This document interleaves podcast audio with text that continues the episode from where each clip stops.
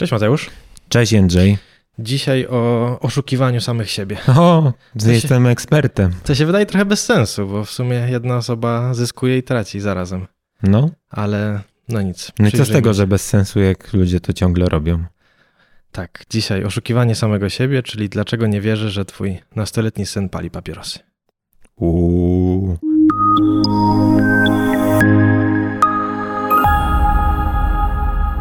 Okej, okay, to jakie znamy e, przykłady oszukiwania samego siebie? Ja wrzuciłem te, ten, tego nastoletniego syna palącego papierosy.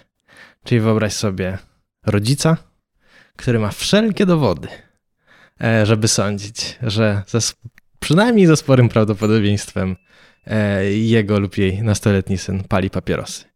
Śmierdzi tymi papierosami, jakąś tam paczkę kiedyś znaleźli przy łóżku, e, co mówił, że to kolegi i tak dalej, i tak dalej, a jednak ten hmm? dorosły mówi, no nie, no mój Piotruś to na pewno nie pali. No, ten, a ten dorosły, jeśli sam będzie palił, to pomimo wszelkich dowodów będzie przekonany, że raka to na pewno nie dostanie.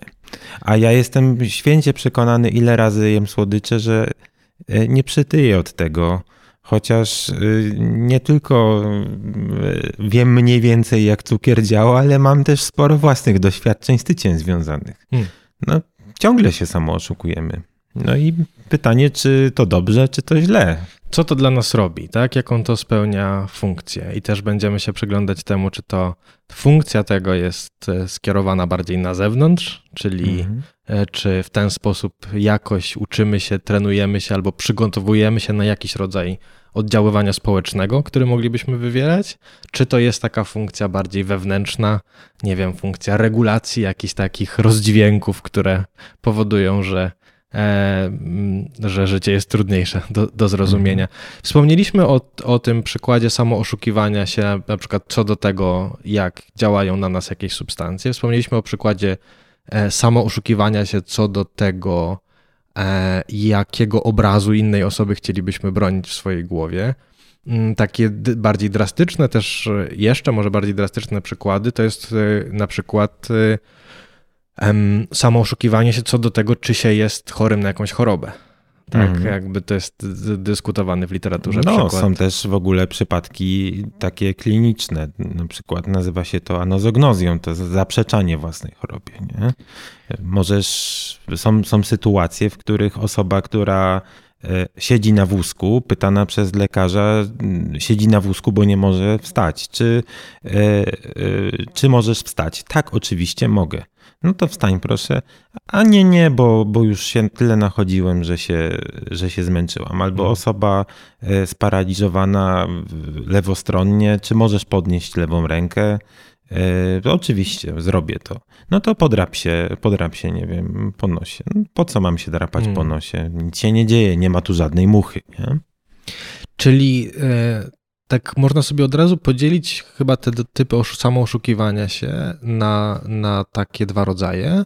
Czyli po pierwsze, próbujemy się jakoś odciąć od jakiejś negatywnej e, informacji, tak? Próbujemy nie myśleć o tym, jak wpływają na nas e, papierosy, nie myśleć o tym, jak zachowuje się nasz syn, nie myśleć o tym, e, że jesteśmy chorzy. Drugi rodzaj samooszukiwania to jest taki, w którym próbujemy z kolei może zaszczepić w sobie jakąś bardziej pozytywną, e, ale nierealistyczną wizję czegoś. I na przykład e, są badania dotyczące tego, że osoby, które mm, odpisywały na egzaminie i miały dzięki temu dobre wyniki, e, jeżeli odpowiednio same ze sobą popracują do tego stopnia, żeby no, tak się rozmyło to, na ile to odpisywanie było e, tak mhm. naprawdę e, przy, przyczynowo związane z dobrym wynikiem, oceniają siebie później jako bardziej kompetentne mhm. i myślą, że na kolejnych egzaminach pójdzie im lepiej, mimo że nie uwzględniają tego, że znowu będzie można, mhm. że będzie można oszukiwać. Okej, okay, czyli, czyli to samo oszukiwanie tak definicyjnie u podstaw to jest e, jakiś rodzaj rozbieżności. Mówmy na razie może o, o, o dwóch sprzecznych ze sobą przekonaniach, które mamy równocześnie. P i nie P. P i nie P, jakby powiedzieli, jakby powiedzieli filozofowie. Przekonanie o tej samej treści i jego negacja w jakiś sposób współwystępują E, I tutaj, nie wiem, w systemie przekonań albo w świadomości, o tym, czy w świadomości też zaraz będziemy dyskutować. A logicy nie lubią, jak w jednym systemie występuje P i nie P, bo na mocy jednego z takich praw, prawo Dunsta Szkota, jeśli jest sprzeczność, to cokolwiek. To znaczy taki system poznawczy, jeśli byśmy to tak zinterpretowali, nie jest już zbyt przydatny. A my przecież mówimy, że cały czas się samo oszukujemy. No to, to jak to? E, no dokładnie. I też pojęcie racjonalności, takie powiedziałbym dość potoczne z jednej strony, a z drugiej strony jednak e, obecne w myśli filozoficznej i też psychologicznej do pewnego stopnia. Wydaje mi się, że to teraz coraz bardziej odchodzi e, w niepamięć, coraz bardziej jest niuansowane, ale mhm. jest jakaś taka koncepcja racjonalności, że no przecież to jest nieracjonalne równocześnie mieć jakieś przekonanie i mieć znowu dowody, które świadczyłyby o jego. No fajnie byłoby być spójnymi samymi ze sobą. Czyli to samo oszukiwanie, e, tak wyjściowo, często jest e, charakteryzowane przez porównanie z oszukiwaniem innych osób. Kogoś. Mhm. E, Okej, okay, czyli, czyli pomysł jest taki. E, ja e, powiedzmy, że w kuchni w naszym biurze jest ostatni kawałek czekolady. Mhm. E, ja planuję sobie go pożreć, natomiast wiem, że ty do tej kuchni do, dotrzesz pierwszy. Mhm. Więc to, co ja robię, to jest, mówię, no słuchaj Mateusz, szkoda, że się y, czekolada skończyła. E, żebyś tobie przypadkiem nie przyszło do głowy, mhm. że jak tam będziesz, to że żebyś zjadł ten mhm. kawałek czekolady, tak? Czyli ja mam jakiś obraz rzeczywistości, myślę, że jakoś jest, myślę, że jest jeszcze ten kawałek, na który sobie ostrzę zęby, e, ale równocześnie mam intencję, żeby tobie przedstawić albo zaszczepić w tobie obraz rzeczywistości, e, który jest e, zgodny z tym, czego ja bym chciał, czyli z tym, że ty nie będziesz szukał tej czekolady. No i tu nie ma problemu.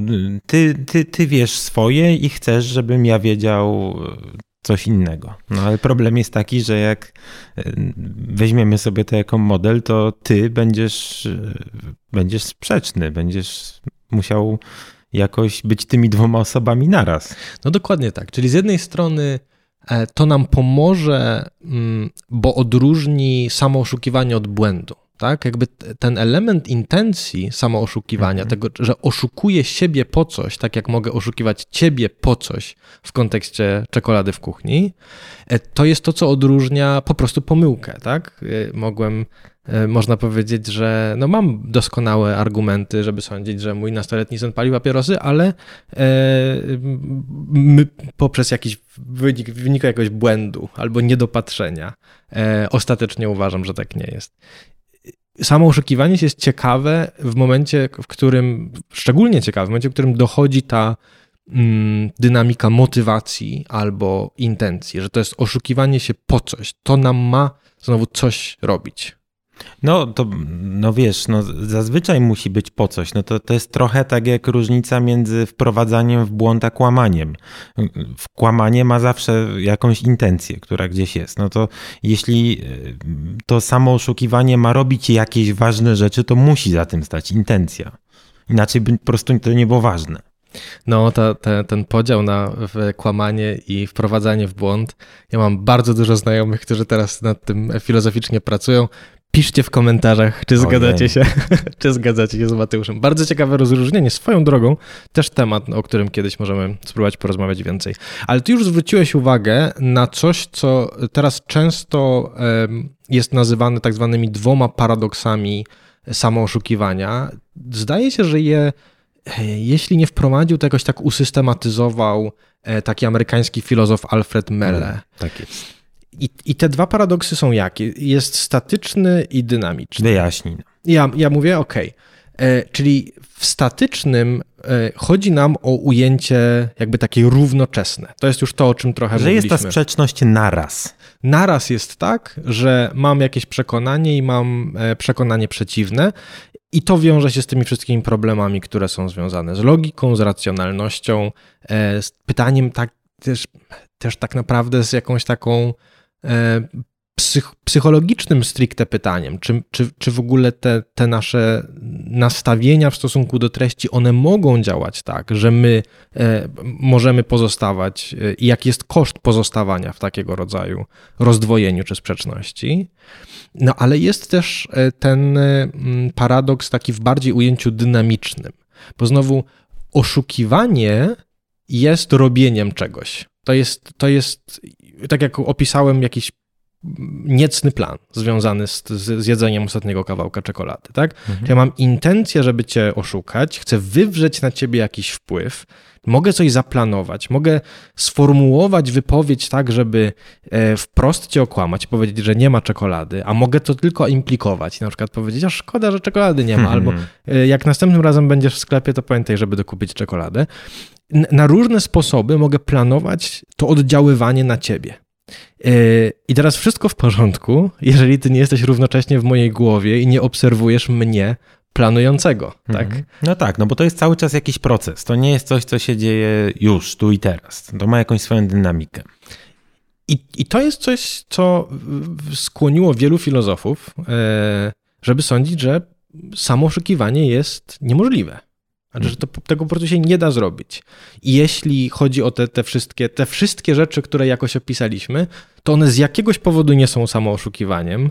E, mhm. E, to musi być coś innego. No bo przecież nie może być tak, że ja będę planował, tak, będę snuł jakieś plany przeciwko samemu sobie, a równocześnie będę na nie A być może nie ma po prostu jednych nas i może to się da jakoś jednak obronić. Super, i przejdźmy do, do, do, braku jednych nas, bo, bo to mhm. jest, y, wydaje mi się, jakaś taka jedna z pierwszych y, strategii odpowiadania na no, te... Typowy kognitywista by sobie próbował poradzić z tym tak.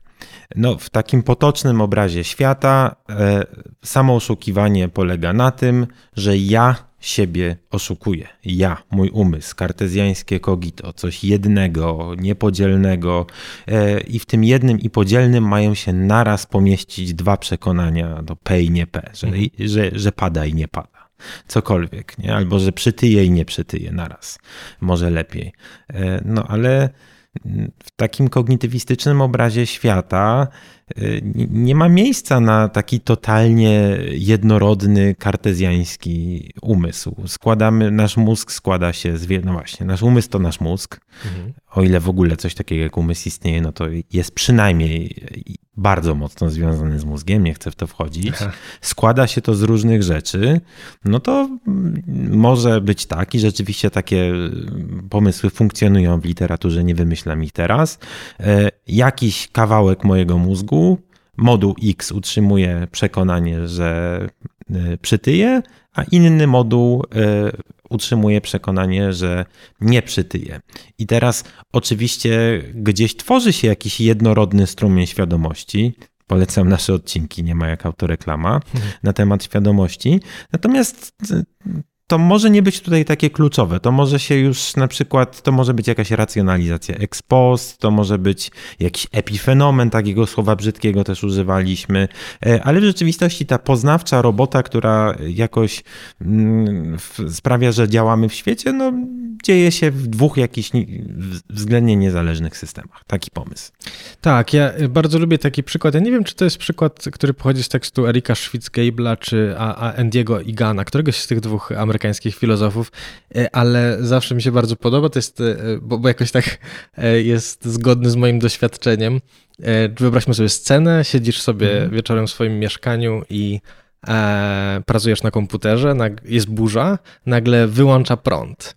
I ty myślisz sobie, kurczę, muszę iść po świeczki. Idziesz do kuchni i klikasz przełącznik światła. Mm -hmm. Nie? Czyli jakby, e, oczywiście możemy powiedzieć, że tam jest dużo takie, jakiejś odruchowości, mm -hmm. jakieś, to, to, to, to, nie będą, ale, ale chyba to dobrze też dla tak, naszego tak, przykładu. bardzo ładnie. To nie, są, to nie są te rzeczy może na tym samym poziomie, bo, bo to nie jest tak, że za każdym razem, jak klikam przełącznik światła, e, to równocześnie mam myśl, e, po kliknięciu przełącznika światła światło się włączy, ponieważ w budynku, w którym mieszkam jest obecnie prąd, prawda? Te, ten element jest przeskakiwany, więc on nie wchodzi bezpośrednio w kolizję ze świadomością, że aha, właśnie burza spowodowała brak dostępu do prądu. Ale, ale yy, zobacz, taki bardzo potoczny, codzienny przykład, i już widzimy, że, że łatwo jest jakiegoś takiego rodzaju y, dynamikę rozdwojenia wygenerować w naszych tak, zachowaniach. Jasne, jasne. I chyba jeżeli o to chodzi, to też jest takie ciekawe pytanie, właśnie czy te fragmenty, czy te, czy te podziały w naszej strukturze znowu przekonań, y, w jakiejś strukturze, w jakiej uchwytujemy treści opisujące świat, czy one są tak jakby z jednego poziomu, czyli na przykład czy są tak samo dostępne do naszej świadomości wszystkie, ale rozłączne i dlatego jakby mogą się pomieścić w nich treści sprzeczne, czy to jest takie bardziej hierarchiczne, czyli czy na przykład to jest taka dynamika, znowu też przy okazji świadomości mówiliśmy o nieświadomości, czy tam jest jakaś dynamika nieświadomości, że są rzeczy, które są mniej świadome, mm -hmm i to nie tylko w danym momencie, ale, ale w ogóle mniej świadome, i przez to tam się mogą odkładać różne rzeczy, które są na przykład jakimiś fantazjami na temat tego, jak, nasz, jak chcielibyśmy, żeby świat wyglądał, i tam się może e, mhm. pomieścić ta wizja e, syna niepalącego papierosów, mimo wszystkich dowodów na to, że prawdopodobnie jednak pali. Mhm. Kolejna opcja jak już e, zrezygnujemy albo, albo stwierdzimy, że chcemy szukać dalej, bo fragmentacja z jakiegoś powodu nam nie odpowiada, e, może na przykład nie odpowiadać nam z takiego powodu, jak wiele tych teorii, które tutaj omawiamy, i dlatego, mimo że o, o wielu z nich mówimy zdaniami twierdzącymi, to tak naprawdę chcemy zakomunikować, że z tym są związane bardzo, problemy, bardzo konkretne problemy i pytania. Inne rozwiązanie jest takie, że znowu próbujemy rozładowywać napięcia, tak? Jakby y, paradoks y, tej synchroniczności, synchronicznego samooszukiwania jest paradoksem związanym z napięciem między dwoma treściami, które nie powinny współwystępować, mhm. jeżeli chodzi o taką powinność właśnie związaną z racjonalnością. Więc y, inny rodzaj rozładowania tego napięcia to jest powiedzenie, że e, te dwa stany mentalne nie wchodzą ze sobą w kolizję, bo one nie są z tego samego porządku. I na przykład niektórzy mówią, że w takiej sytuacji, w której e, powiedzmy mam, mogę mieć przekonanie, że e, mój syn pali papierosy, ale, ale równocześnie nadzieję, no, tak? Albo, tak. Albo, albo coś takiego. A, albo mogę mieć przekonanie, że nie pali, ale podejrzenie, że mhm. pali, albo wątpliwość. Tak, no próbujesz powiedzieć, że w rzeczywistości to są rzeczy troszkę z innych porządków. Dokładnie. I, i, i wielu filozofów próbuje tych troszkę, e, troszkę innych porządków szukać i jakoś je opisywać. Wydaje mi się, że najbardziej radykalne, i to jest coś, o czym chciałem mhm. wspomnieć w rozmowie z Tobą, bo, bo, bo to się pojawiało w naszych wcześniejszych rozmowach na różne tematy. Andy Egan, Mhm. E, próbuje rozwiązać tą kwestię w ten sposób, że mówi, że to jest dynamika między przekonaniami a pragnieniami. Mhm. I teraz przekonania po angielsku belief, tak, beliefs, e, pragnienia desires. I on twierdzi, to co kontrybuuje do e, samooszukiwania, to jest to coś, co on nazywa desires. Czyli mhm. tworzy taki, taką sklejkę. Tak. E, to są jakieś takie, no nie wiem, przegnienia po polsku. Jeżeli, tak, państwo, o, jeżeli Państwo uważają, że przegnienia to jest brzydkie polskie słowo, to proszę zastanowić, czy desire to jest ładne angielskie słowo. E, w każdym razie, jakby wydaje się, że zabawa filozoficzna, ale wspominam o tym dlatego, że i dlatego mówię, że to, są, to jest temat, o którym wiele razy rozmawialiśmy, Samo pojęcie przekonania i samo pojęcie pragnienia to są pojęcia psychologicznie bardzo wysokopoziomowe. No i ja mam z nimi w ogóle duży problem, ale to też nasze, może zostawmy to na rozmowy w biurze. Nie? Bo, ale, bo jaki jest ten, ten problem tak z grubsza? Chodzi o to, że nie, nie, nie do końca wiadomo, jakie obserwowalne w eksperymentach psychologicznych cho chociażby, efekty będą się mapowały dokładnie. No mówiąc krótko, mamy jakieś pojęcie przekonania. Y, ty jesteś filozofem i dla ciebie to jest y, jakby, no Pojęcie przekonania jest jakimś narzędzi, z których korzystasz i jesteś z nim bardzo zaprzyjaźniony. Natomiast wydaje mi się, albo nawet wręcz mam szczerą nadzieję, że e, dla większości naszych słuchaczy, która zajmuje się kompletnie innymi rzeczami w życiu, y, pojęcie przekonania wcale nie jest jakieś jasne, nie jest jakieś ostre. Y, w sumie to używają tego pojęcia, a nawet nie wiedzą dokładnie, y, nie zastanawiali się nawet dokładnie, czego używają. Mhm. Ci z naszych słuchaczy, którzy zajmują się jakoś nauką, na przykład zajmują się psychologią eksperymentalną, tak. no to mogą mieć duży problem z nałożeniem tego kompletnie nieostrego pojęcia przekon jestem przekonany, że pada deszcz, tak? Bo mam na to jakieś argumenty i tak dalej. Tak. E, na coś, co tak jak mówiłeś, może być zmierzone w jakimś eksperymencie, coś, co e, dzieje się w naszym mózgu. No mówiąc krótko, mamy problem psychologia naukowa versus psychologia potoczna, tak. a ta psychologia potoczna jeszcze na dodatek, y, jak zejdziemy sobie do poziomu potocznego, to jest jeszcze bardziej problematyczne. No i dokładnie, dokładnie po to przywołałem te bizarre, tak? tak? to jest znaczy, bardzo to jest, ładne. To, to jest taka ładne. ilustracja mm -hmm. tego, że być może część z naszych problemów bierze się stąd, że przyzwyczailiśmy się do e, choćby stosowania e, pojęć przekonania i pragnienia jako rozłącznych, zastanawiamy się znowu nad ich ścieraniem się i dynamiką, ale może jest tak, że to, co osoba doświadcza tak naprawdę, to jest coś, co najlepiej byłoby opisywalne jako coś pośrodku. Coś, mhm. jakieś trochę myślenie, że świat jest taki, a trochę równocześnie że chcielibyśmy, chcenie... żeby był taki, albo ja myślę, że to jest fajne. To, ja myślę, że to jest fajne, że nie jesteśmy jakimiś super obiektywnymi automatami, które po prostu, do których wpadają jakieś dane i generują sądy na jakiś temat. Tak, my mieszamy to, czego chcielibyśmy, to, co powinno być. Teraz wiem, że nie, wiem, że filozofowie, etycy się po prostu w komentarzach zjeżdżą, ale tak, dla wielu ludzi e, to jak jest i jak być powinno, niekoniecznie są mm, tak rozłącznymi rzeczami, jak filozofowie nas do tego przyzwyczaili. Jasne. No chyba y, teraz naturalnym pytaniem jest... Po co? Y, po co? No. Jest taka wpływowa koncepcja Roberta Triversa dotycząca e, roli on tak naprawdę mówi o, o, o, trzech elementach, omówimy wszystkie trzy pokrótce, ale ten podstawowy i najważniejszy to jest e, rola samooszukiwania, w zwiększaniu skuteczności oszukiwania innych. Oszukiwanie innych jest formą wpływania na innych, z różnych przyczyn może nam się to przydawać. I teraz jak samo oszukiwanie może nam w tym pomóc? No, warto zrobić tutaj przygrywkę pewną. Trivers e, pracuje w ramach pewnej, e, dwa słowa o Triversie, mega ważny ewolucjonista, mega ważny biolog ewolucyjny, twórca tak zwanych teorii środkowego poziomu, teorii altruizmu odwzajemnionego, e, teorii konfliktu między rodzicami a potomstwem. No naprawdę jedna, nie przesadzę, w biologii ewolucyjnej jedna e, z bardzo ważnych osób zaraz po Darwinie, nie, nie bardzo daleko za Darwinem.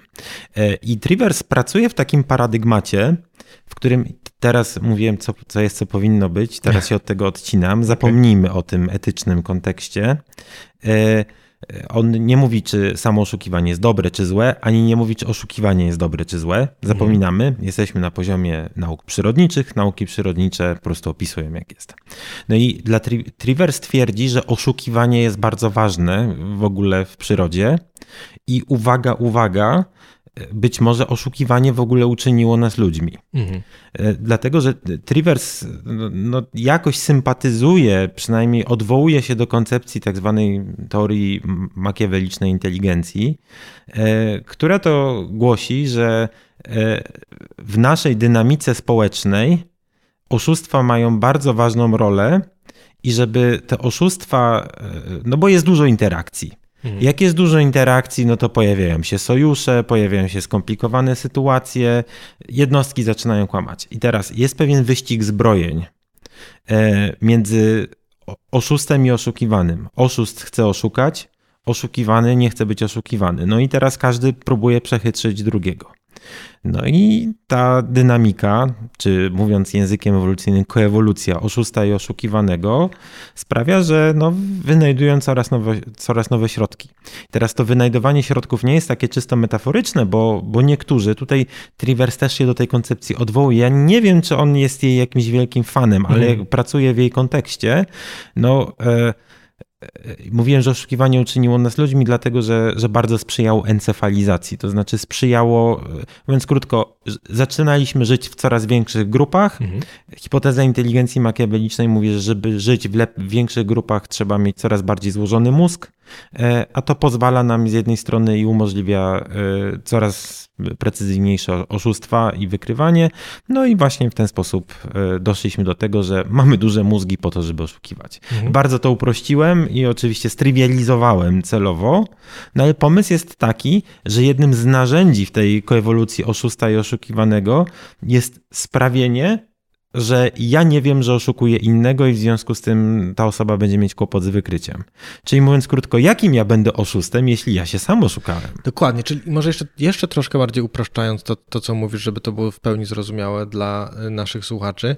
Y, założenie jest takie, że w momencie, w którym oszukuję inne osoby, y, równocześnie wysyłam jakieś sygnały, na podstawie których oni mogą rozpoznać, głos że są mi, Głos mi drży na przykład. Takie znane rzeczy to jest Włosy głos mi na, zęba, na dęba, nie na zęba stają. Włosy na zębach niektórym stają. To już jest, wtedy to już jest oczywiste. Znaczy, jeżeli ktoś, jeżeli państwo zobaczą kogoś, komu włosy stają na zębach, to to jest absolutnie przykład oszustwa. Ale ton głosu się podnosi, e, nie patrzymy sobie w oczy i tak dalej, i tak no, dalej. Potliwość tak... się zmienia, jakbyśmy tak bardziej na mikropoziomie spojrzeli. Historii na ten temat jest bardzo wiele. I teraz.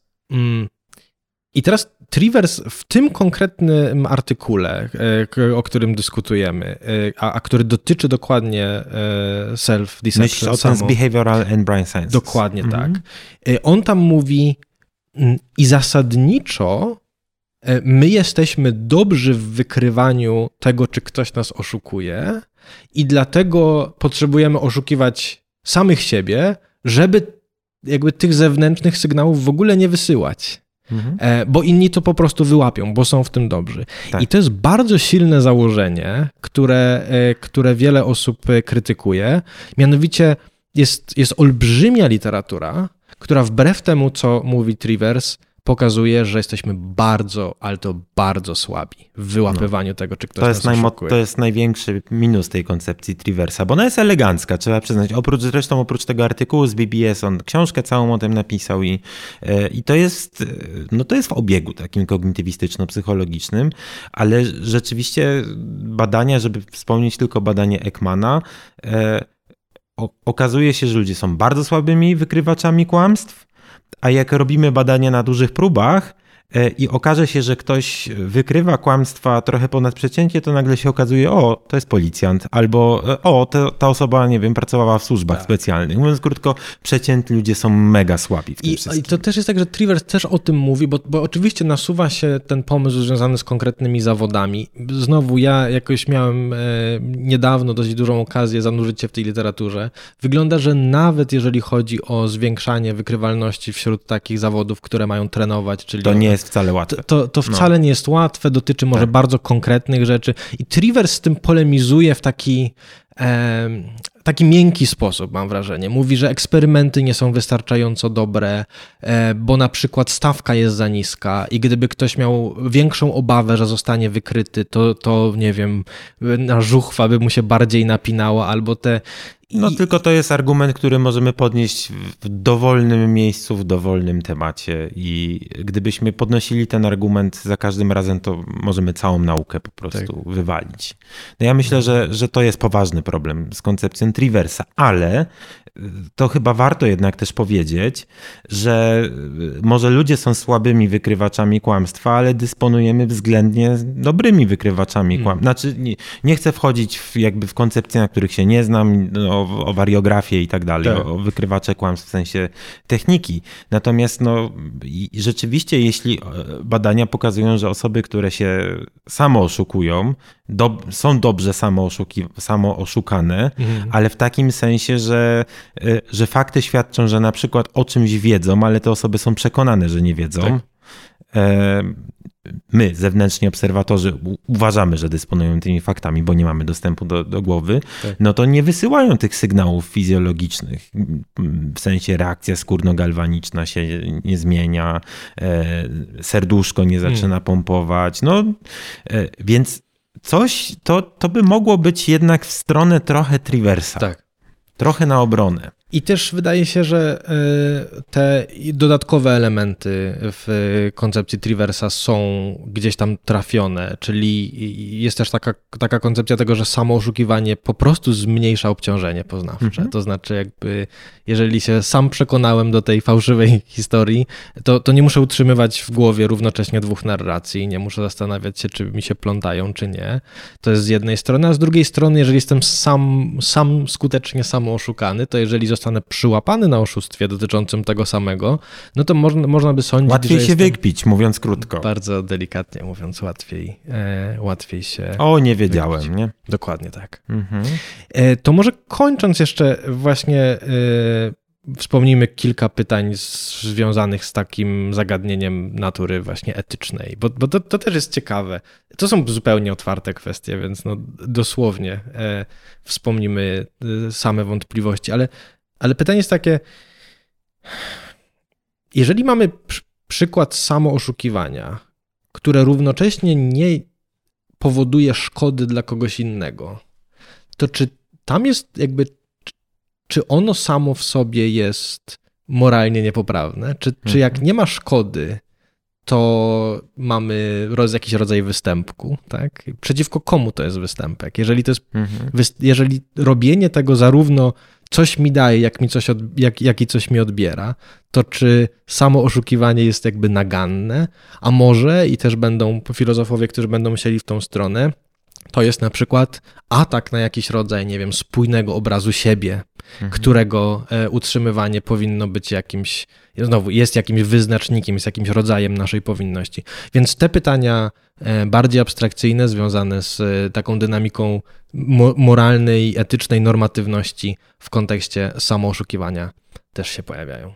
Pojawiają się, ale tutaj, jak to w naszym podcaście, czego nie wiemy, no to tutaj jest trudno udzielić jakiejkolwiek wiążącej odpowiedzi. Ja, ja widzę rację za i przeciw temu, że samo oszukiwanie jest dobre i złe. No i cóż.